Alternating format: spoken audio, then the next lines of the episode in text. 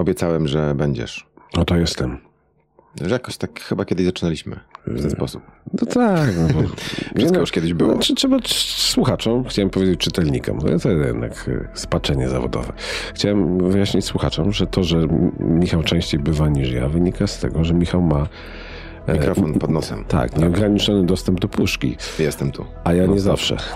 No ale dobrze jesteś. Obiecałem, że będziesz, jesteś. Słyszę po głosie, że to jeszcze nie do końca. To właśnie po, po nagraniu usłyszałem, bo myślałem, że mówię już elegancko, a, a tak do nie do końca jest. Nie wiem, czy to nie jest tak, że wszyscy teraz tak mówią jakoś. A najgorszy, Normalnie. naj, najgorszy okres. Tak, listopad, ale już ubieramy- powolutku, idziemy do końca. Ubieramy się albo za ciepło, albo za zimno. Idziemy w kierunku Andrzejek. E, dzięki Bogu. 59 odcinek. Naprawdę? No, do 60 się zbliżamy. Chyba ty, chyba, chyba, chyba ty. No ja tak, tak, tak. Ja razem z podcastem. Generalnie zawsze się do czegoś zbliżamy, więc Dobrze, i dzisiaj będziemy mówić o zbliżaniu się. dzisiaj wali góra. Nie, A to nie mieliśmy po dżinglu tego mówić? to powiedzmy. To powiedzmy. Skasujemy to nie. Nie, nie, zostaw.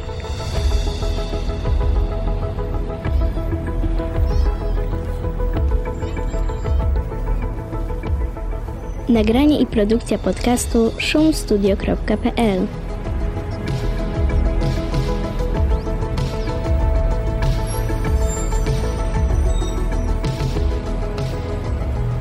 A propos kasowania, to y, mieliśmy ostatnio skasować kawałek i nie skasowaliśmy. I zostało? Oj, tak, ktoś tam napisał.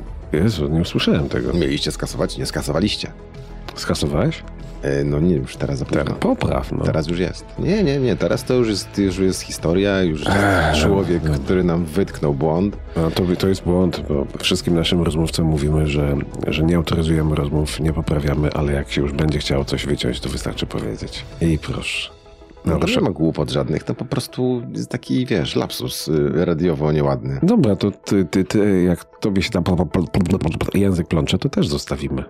A jak mi się plącze, Dobrze. to też. Nie, Dobra, nie, dobra, ale czasami słuchaj, wycinamy, czasami nie wycinamy. Generalnie nie wycinamy. Dobra, płyniemy do brzegu. No oczywiście, Waligura. E, Waligura, e, tak. Dzisiaj motywem przewodnim jest Waligura, proszę Państwa. E, Ale nie jest to autopromocja ani autorozmowa, po prostu, po prostu Leszek Waligura porozmawiał sobie też z Waligurą, ale Mateuszem. Chwi- Chyba No. trzeba wyjaśnić, chociaż nie. Mam Ja wrażenie, że Mateusz Waligura jest, znaczy nie mam wrażenia, mam pewność, że Mateusz Waligura jest zdecydowanie bardziej znany od Leszka Waligury, Też A- gdzie? a jest znany, bo jest podróżnikiem. E, W tym podcaście nie jest bardziej znany. no dobra. Ale na świecie z Na pewnością tak. Na Antarktydzie z pewnością tak, bo Leszka Waligury tam nie było, a Mateusz Waligura był. Był na pustyni Gobi. E, natomiast wcale, prawie wcale, nie rozmawiamy o tych wielkich wyprawach tej rozmowie, tylko o takich wyprawach, które odbył w Polsce. I które, Do Biedry. Nie. Dalszych. E, odbył kilka niesamowitych i sam jest z nimi zachwycony podróż, podróży wypraw po Polsce, e, których my w Polsce nie odbywamy, bo jeździmy sobie na Bałtyk, Zawsze w to samo miejsce. w Tatry, tak, zawsze w te same miejsca. Okazuje się, że miejsc nieodkrytych, nieoczywistych, fantastycznych i wyjątkowych w skali nie Polski. kraju nawet, ale Europy. kraj Europy, e, Świata. a nawet świata, mamy wiele, tylko ich nie znamy. I tu się zgodzę w 100%. No to o tym jest ta rozmowa. To co? Zapraszamy. Waligura, który będzie mówił z którym? Leszek Waligura, I Mateusz Waligura. zapraszamy. Dla mnie rozmowa idealna, bo Waligura z Waligurą rozmawia. To jeszcze powinniśmy rozmawiać na szczycie Waligury.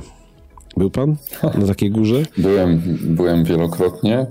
Wydaje mi się, że jest to szczyt, nad którym byłem najwięcej razy w swoim życiu, więc Ale na pewno jest to góra wyjątkowa. Wyjątkowa też z tego powodu, że ja mogę po prostu wyjść z domu we Wrocławiu i po dwóch dniach będę na szczycie. Myślę, że niewiele osób ma okazję do tego, żeby wejść na górę swojego imienia, wychodząc po prostu sprzed, sprzed swojego progu w domu. Waligura mieszka ko koło Waligury. E, Nie mogło być inaczej. ale wszędzie pan tak pieszo? Bo to przecież samochodem można podjechać. Można, można, można też pociągiem dojechać do Wałbrzycha, a potem to już jakoś będzie. E, Nie, nie, to chodzenie to jest coś, co we mnie mm, tkwi stosunkowo od niedawna, bo od 2017 roku. Wtedy rower, którym podróżowałem wcześniej, którym przemieszczałem się najczęściej, stał się dla mnie z jakiegoś powodu zbyt szybki i uznałem, że tempo 5 km na godzinę pozwala mi najlepiej przyjrzeć się tam coś z boku. To mniej więcej właśnie w 2017 się rozpoczęło. No właśnie, to jest taki sposób na podróżowanie charakterystyczny do Waligury. Mateusza Waligury. No, pewnie, pewnie już tak. Pewnie wiele osób, jeśli kojarzy Mateusza Waligurę, to zna go z wypraw albo pieszych, albo mm, wypraw narciarskich, które w gruncie rzeczy są wyprawami pieszymi. Po prostu stawiamy stopy nieco inaczej, więc rzeczywiście jest to jeden z takich znaków charakterystycznych dla mnie i dla mojej działalności. E, liczył pan te kilometry? Już zrobione w nogach? No w, sum, w, sumie, w sumie nie. No ale będzie tego już jakoś po 8 tysięcy kilometrów na przestrzeni ostatnich 6 lat. Z czego sporo po Polsce. Z czego sporo po Polsce. To też nie jest coś, co zaplanowałem. To jest coś, co do mnie przyszło w dosyć spontaniczny sposób, a tak naprawdę zrodziło się z frustracji w 2020 roku, bo nie wiem, czy nasi słuchacze pamiętają, może już nie, ale rok 2020, no to były maseczki, zamknięte lasy i półtora metra odległości. Ja na 2020 zaplanowałem kolejną wielką, jak mi się wydawało, pieszą wyprawę. Chciałem przejść Australię z północy na południe przez jej pustynny środek. No ale jakby rzeczywistość zweryfikowała. A tutaj loty zamknięte, tak?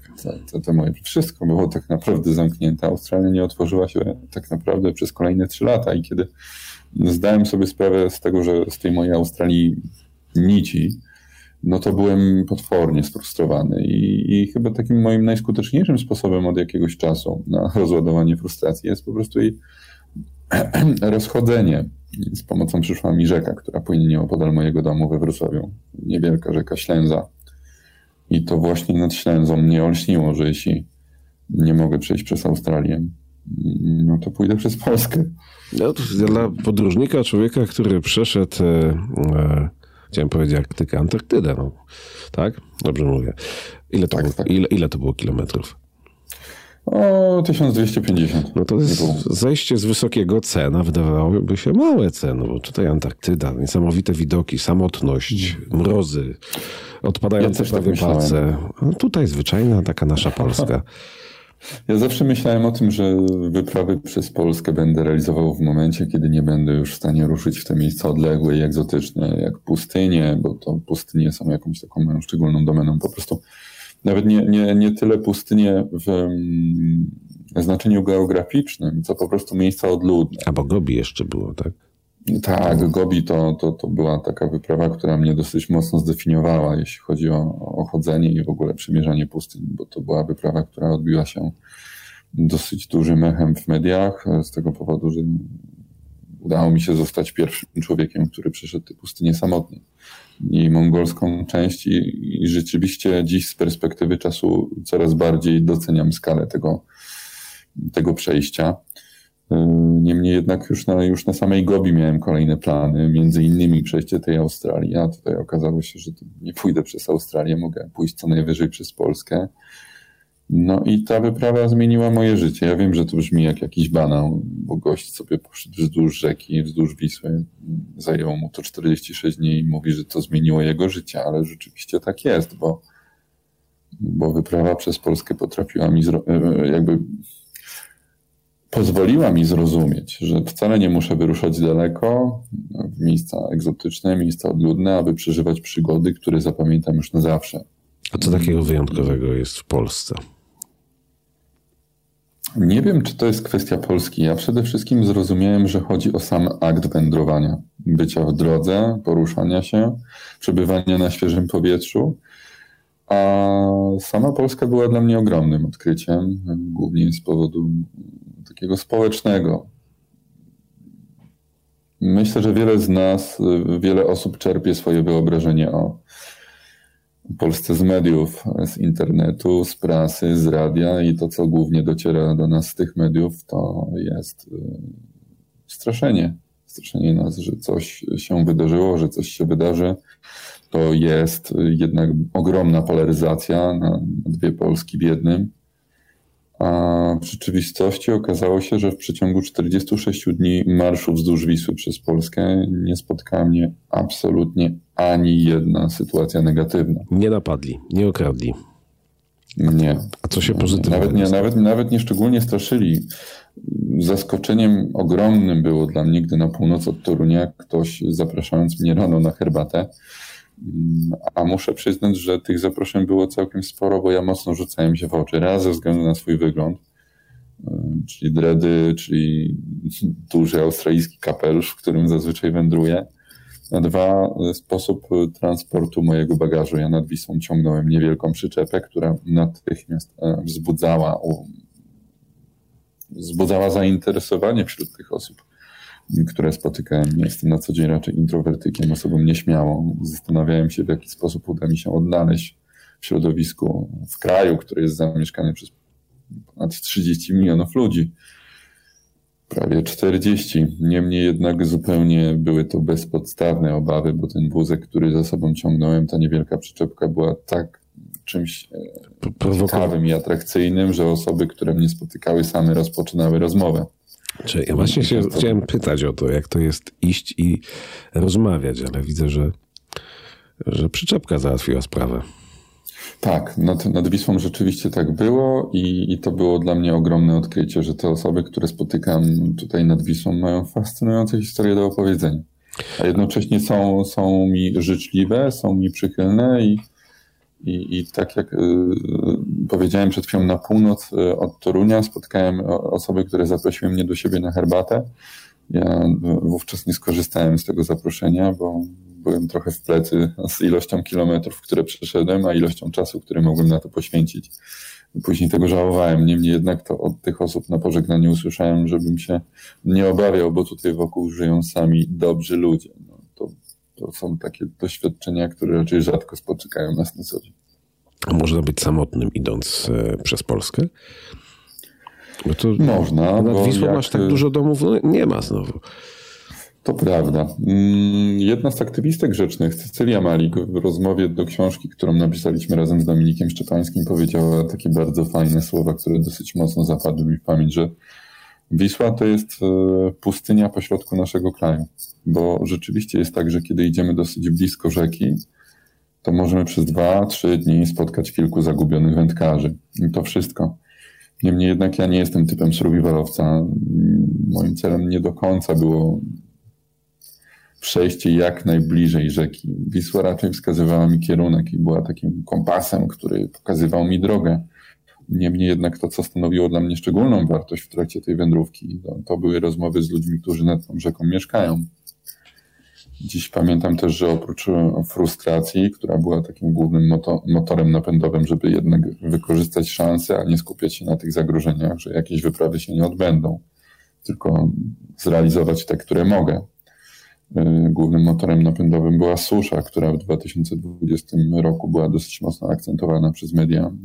W zasadzie to były dwa główne tematy, czyli COVID i, i susza w Polsce. Ja nie potrafiłem tego zrozumieć, dlaczego cały czas mówi się o suszy, jeśli patrzę przez okno i widzę, że co drugi dzień pada deszcz. Wtedy poświęciłem sporo czasu na szukanie informacji, czym tak naprawdę jest susza, jakie są jej poszczególne stany i etapy, i wtedy zacząłem rozumieć, dlaczego mamy w Polsce e, suszę hydrologiczną. Mamy? Jednak zdałem sobie sprawę z tego, że nie każdy może poświęcić tyle czasu na szukanie tych informacji, a wydawało mi się, że jest to ważne. Chciałem, aby ta moja wędrówka wzdłuż Wisły i te rozmowy realizowane z ludźmi, którzy mieszkają nad tą rzeką, ale też z naukowcami, ekologami ludźmi, którzy poświęcili tej rzece swoje życie, aby to, to było takie źródło informacji dla osób, które są tym tematem zainteresowane, a dziś z perspektywy czasu już wiem, że to jest temat, którym powinniśmy być zainteresowani wszyscy. To tak z perspektywy człowieka, który spędził te 46 dni idąc, bo ja to często słyszę podważanie mm, zdania naukowców i mówienie, że właśnie pada, mamy kałuże, stoją, nie ma, nie ma suszy hydrologicznej. To jest czy nie ma? Jest, jest. To się Jest wyczuwalne, zmienia. tak no, pier- no wyciągnięcie Myślę ręki. że, myślę, że my zauważamy to, że jest sucho w momencie, kiedy zaczyna nam brakować wody w kranach. To oczywiście zdarza się rzadko. Chyba Skierniewice w 2020 roku to był taki książkowy przykład tego, jak mocno jesteśmy zaniepokojeni, kiedy nagle nie ma wody i trzeba ją czerpać z cysterny, która podjeżdża. Ja może nie pamiętam tego zbyt dobrze, ale pierwsze cztery lata swojego życia spędziłem na wsi, w, którym woda, w której woda bieżąca nie zawsze była dostępna i czasem trzeba było chodzić do takiego dużego beczkowozu i pobierać tę wodę. I wydaje mi się, że to, co rzeczywiście otrzeźwi ludzi, to ten moment, kiedy, kiedy tej wody w kranach, w kranach zabraknie, a w perspektywie czasu, z, analizując i bazując na informacjach wynikających z przeprowadzanych badań, te sytuacje będą powtarzać się coraz częściej. Okej, okay, to wracamy do ludzi. Mają jakiś wspólny. Mm, nie, no właściwie jacy są Polacy mieszkający nad Wisłą? No, każde słowo będzie generalizacją. Są różni. Są przede wszystkim bardzo ciekawi. Ciekawi jako osoby, których ja jestem ciekaw, ale też ciekawi osób, które, które spotykają. Bo tak jak wspomniałem wcześniej, nie, kompletnie nie musiałem się obawiać o to, czy, czy, czy te rozmowy będą się kleić, bo, bo często byłem po prostu przez te osoby mm, zaczepiany gdzieś nad rzeką, pytany po co i dokąd idę. Mm, więc y, są to osoby przede wszystkim ciekawe tych, tych, tych osób, które przechodzą przez miejsca mm, ich zamieszkania. Y, Polacy nad Wisłą są opiekuńczy i, i są też z tą rzeką dosyć mocno związani, choć to też jest uogólnienie, no bo tych osób, które rzeczywiście z rzeką są związane mocno, spotkałem garstkę, natomiast zdaję sobie sprawę z tego, że jest ich dużo więcej. Takich przykładów mo mogę, mogę podać wiele. Jest to na przykład Piotr z miejscowości Szczurowa, który przy niskim stanie wody w Wiśle potrafi odnajdywać kości mamutów i inne trudne do zdefiniowania artefakty. Osobą, która wywarła na mnie ogromne wrażenie jest dzisiaj już ponad stuletnia pani Maria Sadyby, która opowiedziała mi o tym, jak mm, jeszcze przed wojną zdobywała kartę pływacką i tę kartę wyrabiało się płynąc z nurtem Wisły na praskim brzegu. To jest na przykład Grzegorz Sandomierza, który jest właścicielem jedynej na świecie łodzi typu Dubas, który o nazwie Sandomierka, który pływa, pływa tą łodzią i opowiada stare wiślane legendy. Więc w trakcie tej wędrówki spotkałem wielu, wielu szkutników, czyli osoby wytwarzające tradycyjne drewniane łodzie, muzealników, ekologów, ale też całą masę wiejskich filozofów, e, z którymi mogłem porozmawiać nie tylko na tematy wiślane, ale też tematy ogólnopolskie i to te rozmowy cieszyły się wśród naszych czytelników, naszych, czyli moich i Dominika, gdy napisaliśmy już książkę Szak Wisły. Bardzo dużym powodzeniem. Nie ma podróżnik czasami takiego wrażenia, że te rozmowy hamują, że goni czas, goni cel e, e, wędrówki, czy, e, i trzeba przyspieszać, tak. czy wręcz przeciwnie? Myślę, że to jest bardzo indywidualna sprawa. Ja zdaję sobie sprawę z tego, że jako mąż i ojciec mam wiele obowiązków, które czekają na mnie w domu, więc też nie mogę rozciągać tych wypraw w nieskończoność. Jednocześnie są one obecnie moją pasją i pracą. Więc z góry zakładam, że, że taki, taki marsz wzdłuż Wisły, początkowo zakładałem, że potrwa 45 dni. W kolejnym roku poszedłem wzdłuż wybrzeża Bałtyku i zakładałem, że zajmie to około miesiąca. Zajęło 35. No to nieduży przestrzał. Tak, zawsze są to jakieś, jakieś ramy, ramy czasowe, w które staram się wtłoczyć taki pomysł na, na, na wędrówkę i rzeczywiście udaje mi się. Jest to sztuka kompromisu. Jeśli, chociaż najczęściej przyznaję, jeśli widziałem, że e, z ust osoby, którą spotkam, zaraz padną naprawdę ciekawe historie, które, które będą ważne dla mnie, ale też dla, dla, dla czytelników, dla obserwatorów, którzy podziwiają czy fotografie, czy filmy z tych wypraw, to nie czułem absolutnie żadnych wyrzutów sumienia, że E, że aktualnie nie wędruję tylko, tylko z kimś rozmawiam. Niemniej jednak zawsze jest to jakaś sztuka wyboru, sztuka selekcji, ale właśnie, właśnie po to jestem w takich miejscach jak Bałtyk, jak, jak, jak Wisła, Tatry, przez które szedłem w ubiegłym roku. E, w czerwcu przeszedłem wszystkie szlaki znakowane w Tatrach Polskich. No, w ubiegłym, e, nie, przepraszam, w tym roku e, przeszedłem wzdłuż Wisły. Odry, Odry. Wzdłuż Odry, od jej źródła w Czechach aż do ujścia w Zalewie Szczecińskim. O to miałem pytać, ale, ale powiedział pan jedno zdanie, które muszę spytać z perspektywy też ojca i męża. Jak rodzina na to reaguje? Bo przyznam szczerze, ja się zawsze zastanawiam. Moja to by chyba mi jeszcze walizki spakowała. Na zasadzie już nie wracaj, jak już chcesz iść. Czy to, e, czy to nie jest właśnie jakieś, jakaś trudność? Ja jestem szczęściarzem, bo no, poślubiłem kobietę, która ceni dokładnie to samo co ja. Celi wolność, przygodę, zanim rozpocząłem te samotne wędrówki, spędziliśmy półtora roku jadąc na rowerach przez Amerykę Południową. To był ten czas, kiedy poznaliśmy się dosyć dobrze. Jednocześnie wiedzieliśmy od początku, że podróże staną się moim zawodem. Innymi słowy, tak jak dziennikarz e, wychodzi do, do, do redakcji, do pracy, choć pewnie teraz częściej dominuje home office, jak nauczyciel wychodzi do szkoły, aby uczyć dzieci, a lekarz do przychodni, aby leczyć, tak ja czasem Najczęściej raz w roku ruszam w drogę, aby zbierać historie, którymi będę mógł dzielić się później, więc potrafimy poukładać to nasze życie codzienne tak, że mam taką przestrzeń, jednocześnie wszyscy wiedzą, jak bardzo jest to ważne.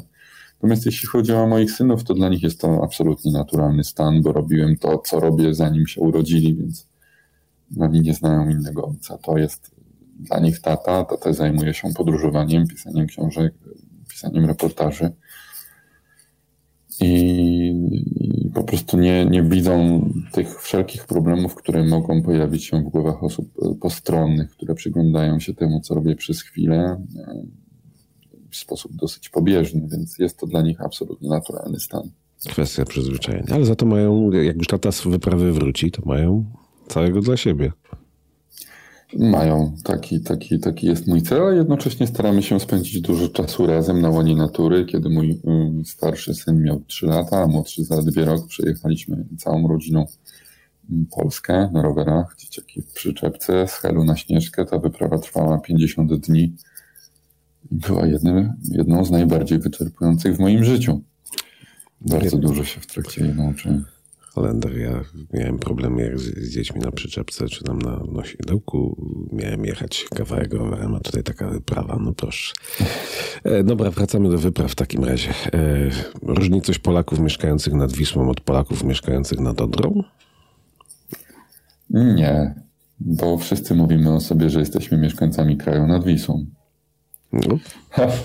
I tak naprawdę mm, ja zawsze powtarzam, że niezależnie od tego, czy mieszkamy nad Wisłą, Ślęzą, Odrą, Bugiem, to mieszkamy nad tą samą rzeką. I te rzeki się w pewnym momencie łączą, a tak naprawdę większość z nich łączy się w Bałtyku. Yy, I powtarzam to niezmiennie i maszerując wzdłuż Odry zrozumiałem to tak naprawdę po raz, po raz kolejny. Nie mogę powiedzieć, że wyprawa wzdłuż Odry to jest coś, co planowałem z wielkim entuzjazmem. No wyszło, to że to miała być wyprawa nad rzeką, która w pewnym momencie praktycznie umarła. No to jest wyprawa, którą ja traktowałem jako swój obowiązek. Raz, że czułem wyrzuty sumienia, bo w 2020 roku poszedłem wzdłuż Wisły, a nie wzdłuż Odry, która płynie nieopodal mojego domu.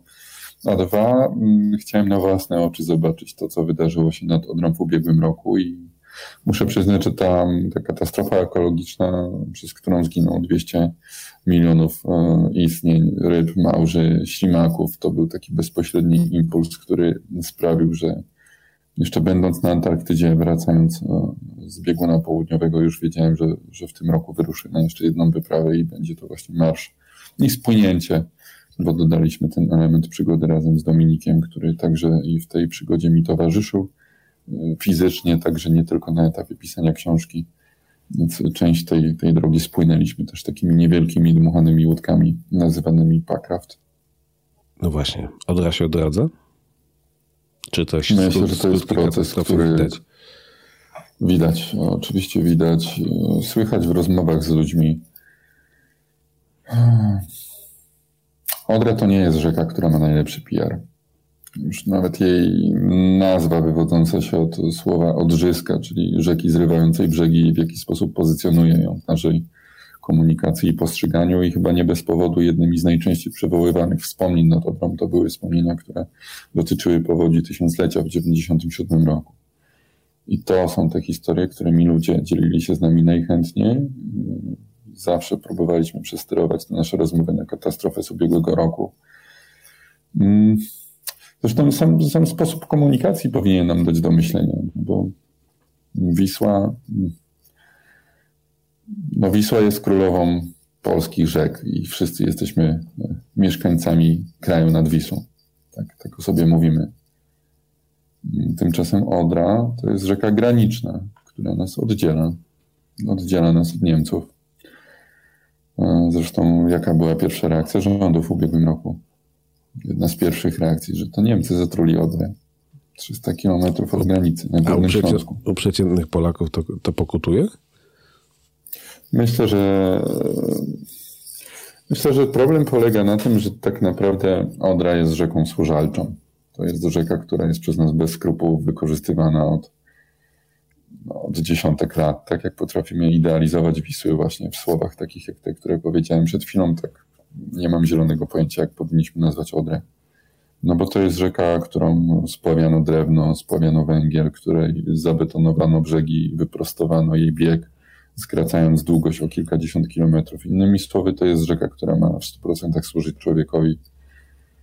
Kiedy, kiedy coś się z nią dzieje, tak jak w ubiegłym roku, to tak naprawdę przymyka się, przymyka się na to oko. Nawet wtedy, kiedy byliśmy już na Dolnym Śląsku w trakcie naszej wędrówki, ktoś do kanału Gliwickiego wydał kilka beczek jakichś trujących do dzisiaj niezidentyfikowanych substancji, więc tak naprawdę panuje nad tą rzeką dosyć duża swoboda, choć to eufemizm, samowolka bardziej.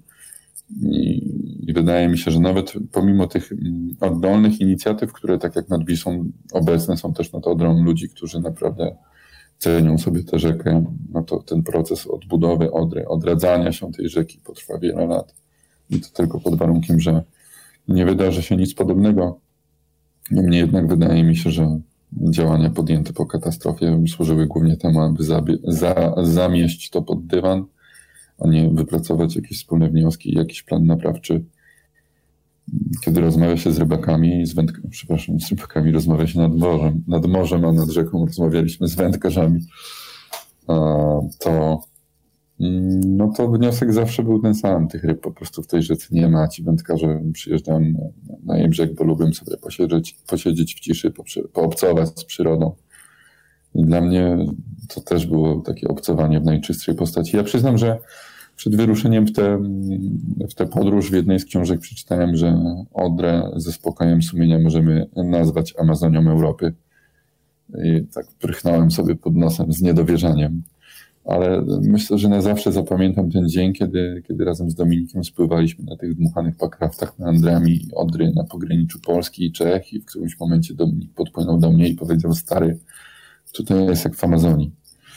A ja po pierwsze wiem, że nie czytaliśmy tej samej książki, a po drugie wiem, że nie mam powodu, aby mu nie wierzyć, bo Dominik jest osobą, która spływała rzekami amazońskimi już kilkukrotnie w Kolumbii. Więc e, myślę, że ten, ten, ten, ten przekonania o, o tym, że możemy nad Odrą znaleźć miejsca absolutnie wyjątkowe, nie są na wyrost. Pamiętam tą opowieść, że... bo czytałem relacje na Facebooku i, i, mhm. i, nawet część e, zdjęć sobie potrafię przywołać. I ta Odra kojarząca się e, właściwie z takim z rzeką, która płynie na wprost niemal. Bo rzeczywiście skrócono jej bieg, jeśli dobrze kojarzę, z tysiąca kilometrów zrobiło się 800 z haczykiem.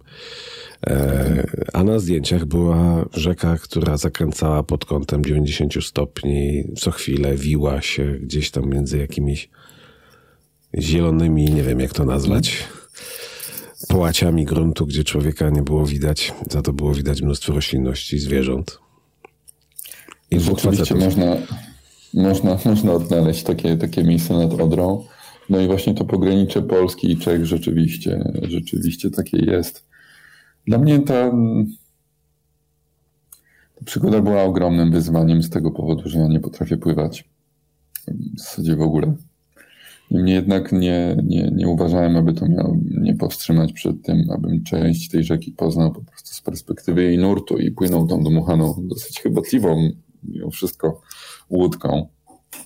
Niemniej jednak wiem, że, że to, że się na to zdecydowałem i odważyłem, sprawiło, że poznałem tę rzekę z trochę innej strony. Nad Wisłą też miałem okazję spływać krótkie fragmenty łodzią typu kanu, albo płynąć właśnie dubasem, czyli, czyli tą drewnianą łodzią e, nieopodal Sandomierza. Natomiast brakowało mi tego bezpośrednio kontaktu z rzeką i wydaje mi się, że tutaj osiągnąłem ten cel, cel idealny tak naprawdę, bo kiedy chciałem porozmawiać z ludźmi, no to po prostu szedłem i, wchodziłem do wiosek i, rozpoczynałem często te rozmowy, natomiast kiedy chciałem zobaczyć odrę z jej perspektywy, to po prostu wtedy spływaliśmy, spływaliśmy na tych łodziach i może właśnie dlatego pierwszy raz w swoim życiu zobaczyłem Bielika, który stał sobie na jednej z ostróg e, kilkanaście metrów od nas i dopiero wtedy, kiedy byliśmy naprawdę blisko, wzbił się w powietrze i mogłem na własne oczy zobaczyć, jak wielki jest to ptak, a później przekonać się, że nie jest,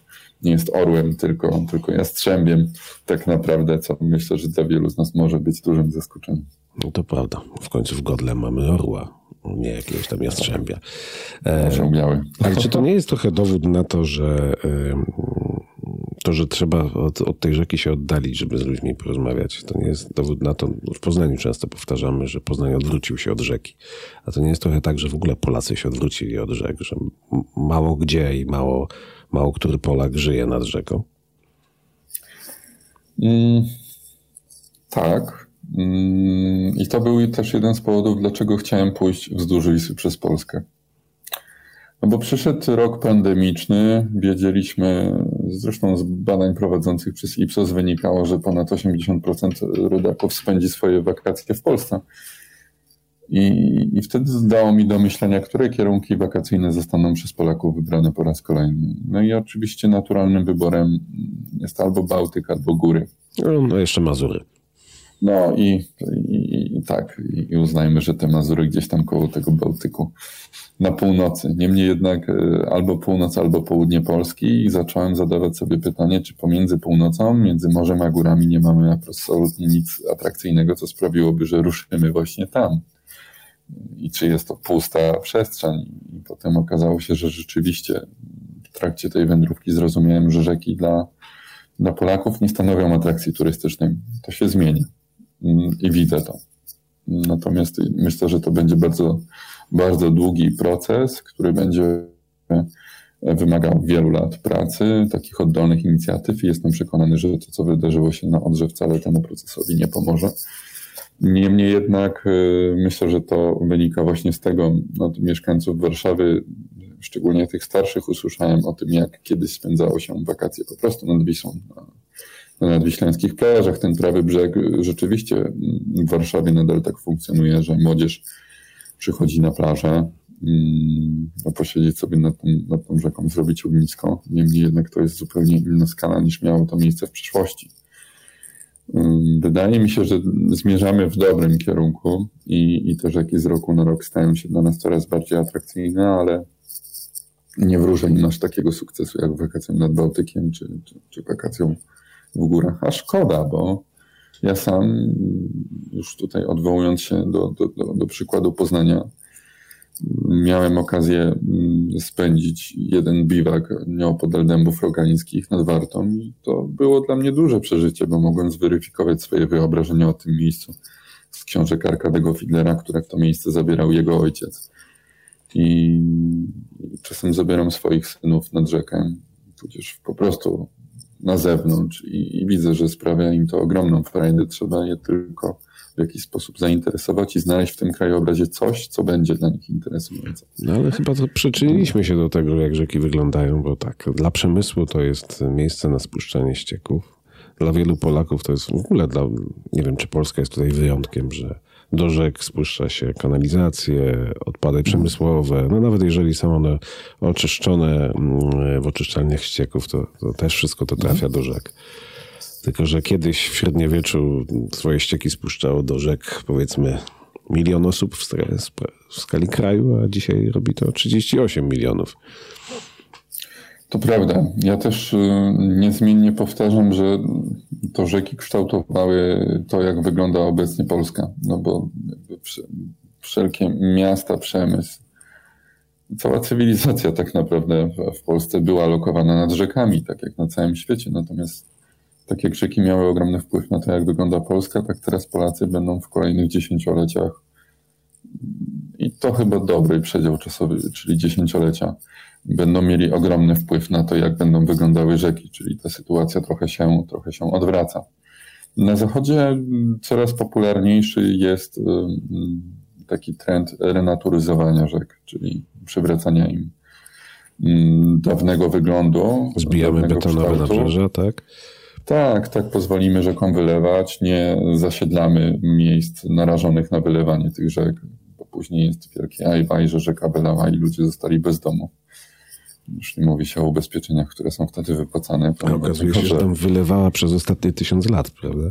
Dokładnie, dokładnie tak się dzieje. A w Polsce wydaje mi się, że pokutuje nadal takie przekonanie o tym, że my jesteśmy w stanie panować nad naturą.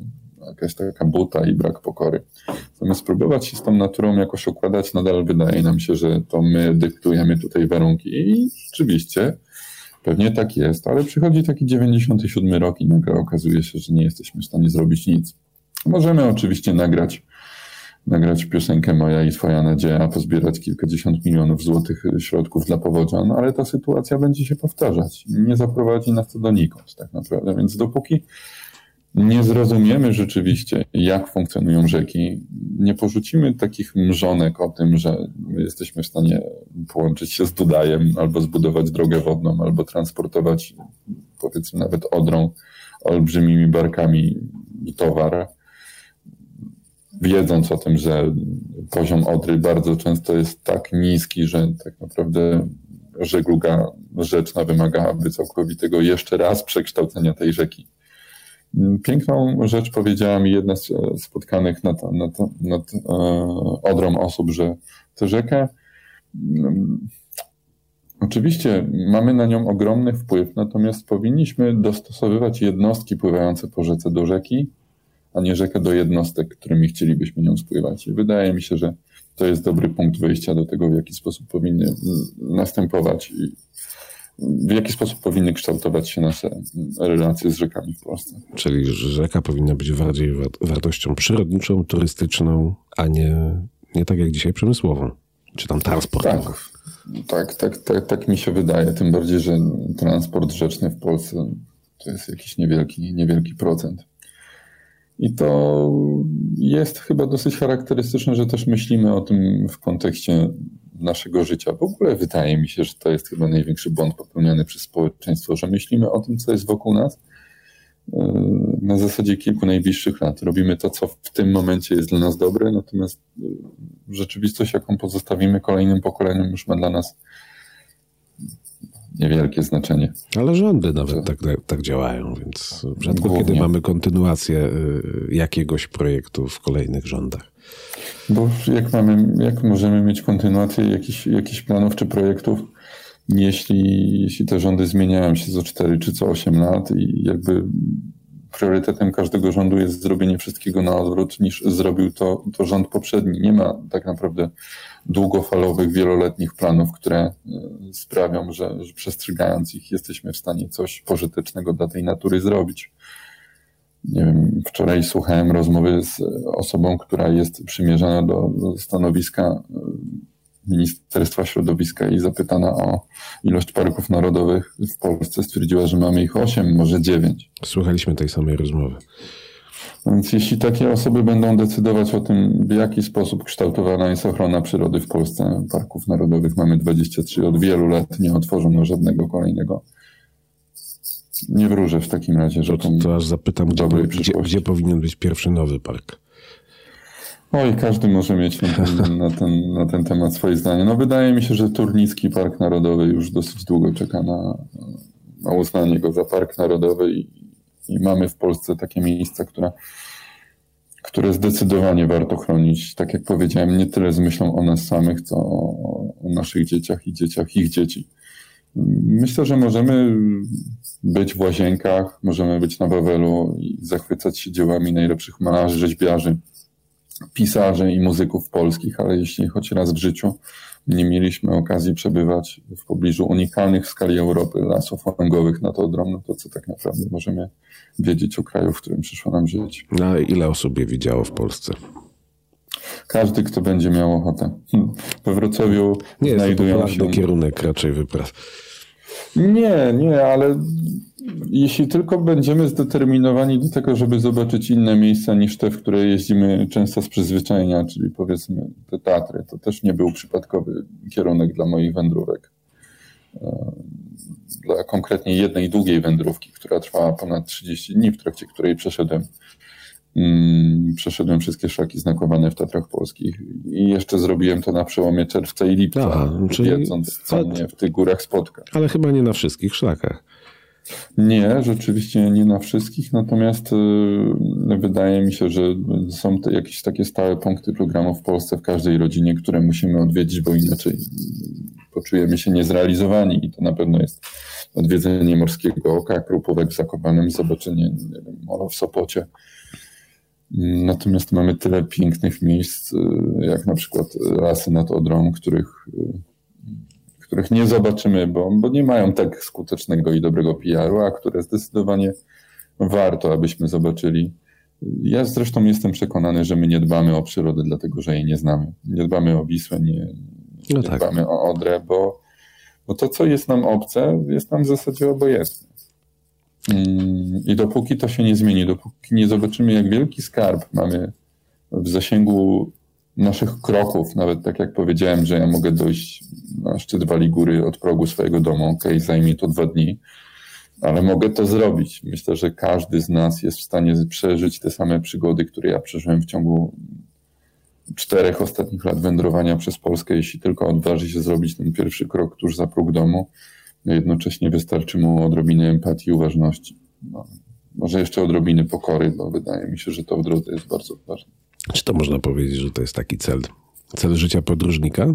Pokazać to ludziom, natchnąć ich? Oj, nie wiem. Ja jestem przeciwny warunkowaniu swoich motywacji podróżniczych y, czymś innym niż my sami. Uważam, że tak naprawdę podróżnicy ruszają w podróż, bo czują taką potrzebę i to jest główny powód. Oczywiście możemy to tłumaczyć w najróżniejszy sposób. Możemy to tłumaczyć w ten, w ten sposób, że chcemy dokonać czegoś historycznego, zrobić coś jako pierwsi. Chcemy zwrócić uwagę na jakiś ważny problem, możemy zrobić coś, aby zainspirować ludzi młodych do tego, aby podążali naszą drogą. Natomiast myślę, że w gruncie rzeczy te decyzje motywowane są przede wszystkim tym, że chcemy to zrobić dla nas samych i to jest w porządku. Więc wydaje mi się, że nie wiem jak w przypadku innych podróżników, ja ruszam w drogę, bo uwielbiam przebywać na zewnątrz. No wreszcie. Lubię, gdy kapie mi na głowę.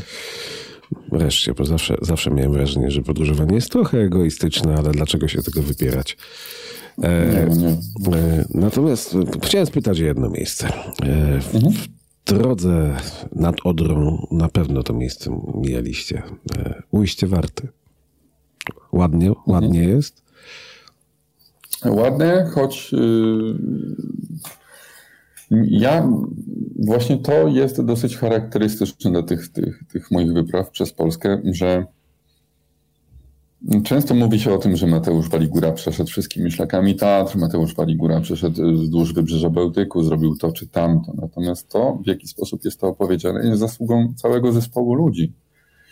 Innymi słowy, ja jestem tą gadającą głową bardzo często, natomiast te historie są tak pięknie napisane, bo, bo w drodze towarzyszy mi Dominik Szczepański, dziennikarz działu Klimat i Środowisko Gazeta.pl.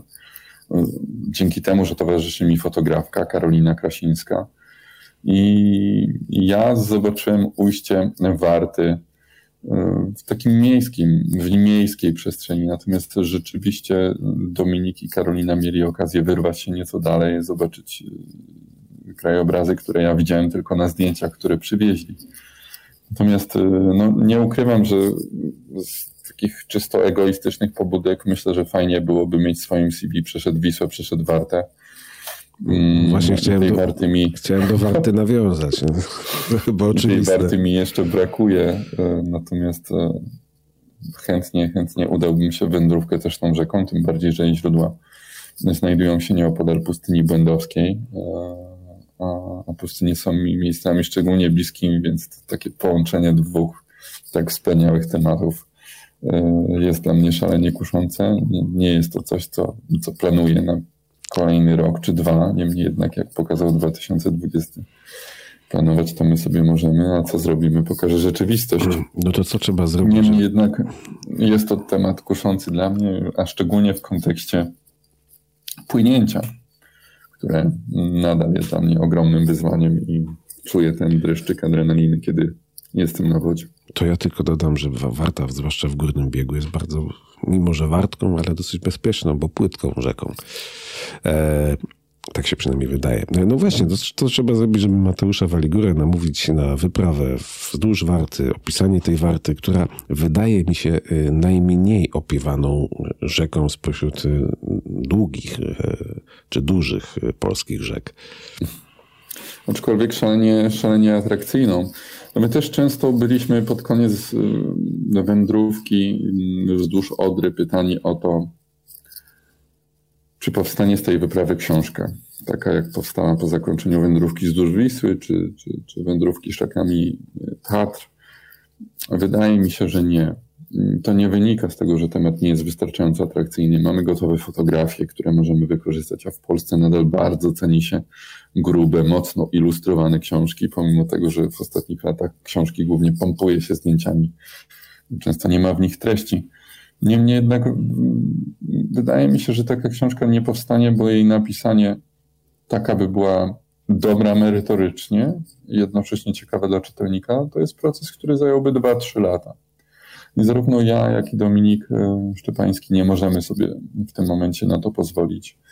Jesteśmy skupieni też na, na, na, na innych celach zawodowych i, i, prywatnych. Niemniej jednak wydaje mi się, że mm, że zarówno Odra, jak i Warta zasługują, na to, aby opowiedzieć o nich e, bardziej kompleksowo niż czyni się to teraz. Mm, swoją drogą mam wrażenie, że odsetek osób czytających w naszym kraju spada, więc może tak naprawdę próba opowiedzenia o Warcie przez książkę nie jest najlepszym pomysłem. Może zrobić to w formie krótkiej, filmowej, która teraz jest dużo łatwiej przyswajalna przez, przez osoby, które są przyzwyczajone do treści angażujących często, ale krótko, treści internetowych. Na pewno jest to coś e, wartego nomen omen rozważenia i, i zobaczymy, co przyniesie przyszłość. Tak. Natomiast podsumowanie wyprawy wzdłuż Odry będzie miało swoje miejsce w lutym przyszłego roku w magazynie National Geographic Polska. Zrobi się, e, ale nie, nie pójdzie na cały świat? Nadzieja. To, to jest w dużej mierze zależne od tego, jak, jak, jak, jak ten materiał zostanie przyjęty.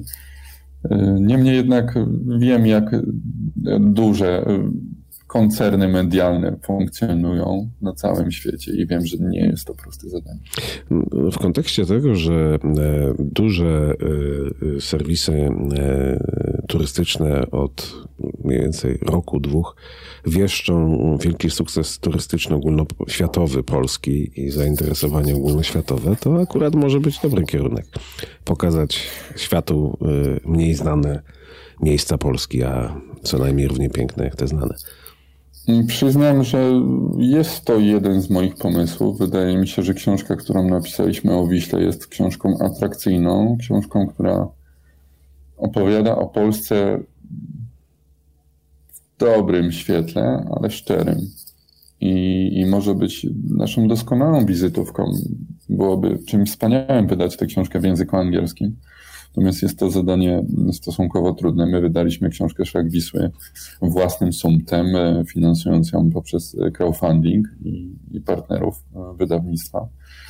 Teraz sprzedaliśmy prawa do tej książki wydawnictwo otwarte, jest dostępna w całej Polsce, natomiast ten nakład, który wydrukowaliśmy my, rozszedł się stosunkowo szybko. Niemniej jednak e, próbowałem zainteresować książką i tłumaczeniem książki Szlak Wisły Ministerstwo E, kultury e, w tym roku, nie otrzymawszy żadnej odpowiedzi. Mm, no ale politycy się zmieniają, zmieniają się rządy. Zobaczymy, kto zostanie nowym ministrem kultury i czy w kontekście prowadzonych badań i prognostyk dotyczących turystyki w Polsce może to będzie na tyle atrakcyjnie i rzeczywiście uda się wydać książkę Szlak Wisły w językach e, obcych i stanie się ona dobrą wizytówką naszego kraju, bo wydaje mi się, że potencjał mm, ma ogromny. Zresztą szlak Wisły to tytuł nieprzypadkowy. To jest taki mój długofalowy cel, mm, aby taki szlak rzeczywiście powstał. Ścieżka rowerowa? Ścieżka rowerowa już powstaje. Mm, Wiślana trasa rowerowa na niektórych odcinkach. Na odcinku południowym jest poprowadzona naprawdę bardzo dobrze i przygotowana doskonale. W odcinku północnym myślę, że jest jeszcze duże pole do popisu. Odcinka środkowego prowadzącego przez centralną Polskę nadal nie ma. Mm, Bardziej myślę o szlaku pieszym, bo Wisła tak prowadzi przez tak wiele ważnych miejsc w naszym kraju. Dużych miast, takich jak Warszawa, Toruń, Gdańsk, Kraków, ale też małych miejscowości, które, przez które możemy obserwować Polskę jak w jakiejś soczewce. Mm, No, to byłaby fantastyczna wizytówka naszego kraju, tym bardziej, że długodystansowa turystyka piesza za granicą cieszy się coraz większą popularnością. W Polsce także. W ostatnich latach notujemy duże zainteresowanie przechodzenia, przechodzeniem szlaków długodystansowych, takich jak główny szlak Beskidzki czy główny szlak Sudecki. Gdyby udało się rzeczywiście wytyczyć szlak Wisły, to byłby to po pierwsze najdłuższy szlak pieszy w Polsce, po drugie jedyny w Polsce szlak, który łączy góry z morzem. Już wtedy nie musielibyśmy wybierać, czy na wakacje w góry, czy nad morzem. Moglibyśmy być i tutaj, i tutaj, idąc przez, przez cały kraj. Wydaje mi się, że to jest ogromna wartość i jeden z takich długofalowych celów, który chciałbym zrealizować. Niemniej jednak wiem, że widząc jak wiele wysiłku i środków kosztowało wytyczenie na przykład szlaku rowerowego Greenvelo, wiem, że nie będzie to zadanie proste, ale wydaje mi się, że warto podjąć te rękawice. No to mam nadzieję, że słucha nas parę e, ważnych osób w tym kraju i, e, i będą e, za tym przynajmniej lobbować. E, tak na koniec. Na koniec chciałem pytać o Gobi, chciałem pytać o Antarktydę. To są jednak rzeczy odległe i niedostępne jednak dla wszystkich. Zdaje się, że, że wkrótce będą Himalaje, prawda? Tak, Jak Bóg da. taki jest plan. I pieniądze Taki jest plan. Na początku przyszłego roku chciałbym rozpocząć wyprawę na Mount Everest, ro- rozpoczynając ją jednak na poziomie morza w Zatoce Bengalskiej. Najpierw chciałbym przejechać 1200 km rowerem przez Indię, następnie dojść do bazy pod Everestem i spróbować wejść na szczyt. Dobra, ale nie zapytam o tą wyprawę, a zapytam o coś, co dla przeciętnego Polaka znacznie łatwiej i dostępne.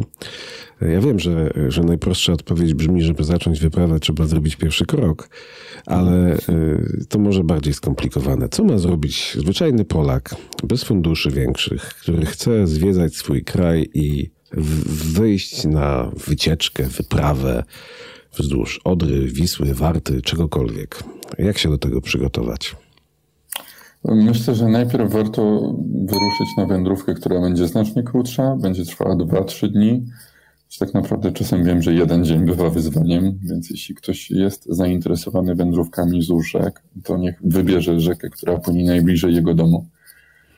Wybierze się nad nią na jeden dzień i zobaczy ją o każdej porze roku.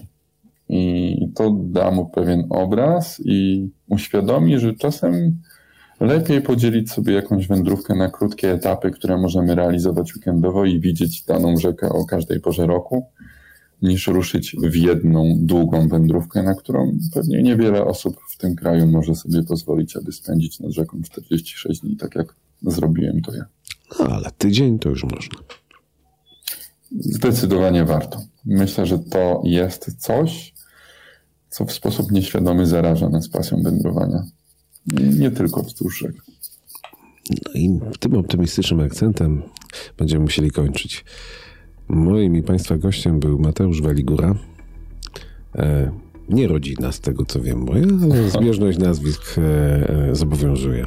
Mateusz Waligura, przede wszystkim podróżnik. Dziękuję serdecznie. Dziękuję bardzo.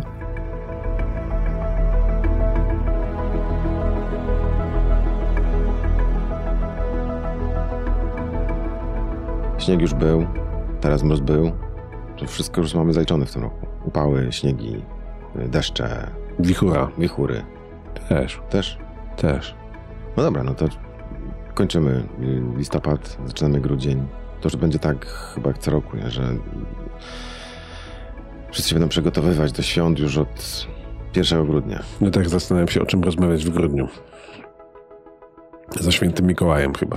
O niczym się nie da z ludźmi rozmawiać w grudniu. Tak, bo wszyscy biegają, to proszę Państwa. Nie, tak wszyscy mówią, bo to nie tak, że wszyscy Nie, biegają. prawda. Ja mam wrażenie, że z roku na rok biegam po tych zakupowo-prezentowych e, Nie biegasz. nie biegam. Nie. Nie biegam. Online kupujesz, tak? Nie, już coraz mniej chyba. No właśnie. Człowiek w pewnym momencie zaczyna dostrzegać, że to wcale się nie liczy, żeby tam kolejną paczkę dostać. No ale prezent fajnie dostać. No. Fajnie dostać, ale jakoś cenię sobie inne rzeczy powoli. Podcasty. Podcasty. O, będę, wiesz co, zrobimy odcinek specjalny. Cokolwiek byś nie działo w Będę, grudniu. będę śpiewał kolendy. Będzie... O, No właśnie, to to sobie będzie wesoło. Chciałem powiedzieć, Nie, a to jednak będzie, to, wesoło. to będzie bolało. No dobrze, będziemy, będziemy kombinowali, będziemy się próbowali wbić w, w harmonogramy, agendy, kalendarze, rozpiski i tak dalej, i tak dalej. Poniedziałki, czwartki są nienaruszalne. Tak jest, słuchajcie nas Państwo. To był 59. odcinek podcastu, druga wersja. E, Ja przepraszam. To był 59 odcinek, natomiast na Państwa ciągle czeka nasze konto na Patronajcie. Pamiętajcie o nas e, w przypływie e, świątecznych zakupów. A no właśnie, święta idą. Zróbcie Tak. nam prezent. Tak. Mniejszy, większy. Tam macie duży wybór. Nowy mikrofon potrzebuję, wiesz? Nie potrzebujesz. Nie, nie? Ten jest całkiem jeszcze w porządku. Potrzebujemy na inne wydatki. Dobra. Mikrofony nie. Chyba, że zażyczysz sobie na gwiazdkę chciałem, chciałem różowy. A to różowe, akurat gąbka to tam też drobiazg. Dobra, gąbkę się wymieni. 59 odcinek Michał Czajka i Leszek. Leszek Waligura. O, właśnie. Leszek Waligura. Leszek. No właśnie, Leszek. Leszek. Nie pomylili dzisiaj. Było dwóch Waligurów. Tak jest. Do usłyszenia w poniedziałek. Do usłyszenia.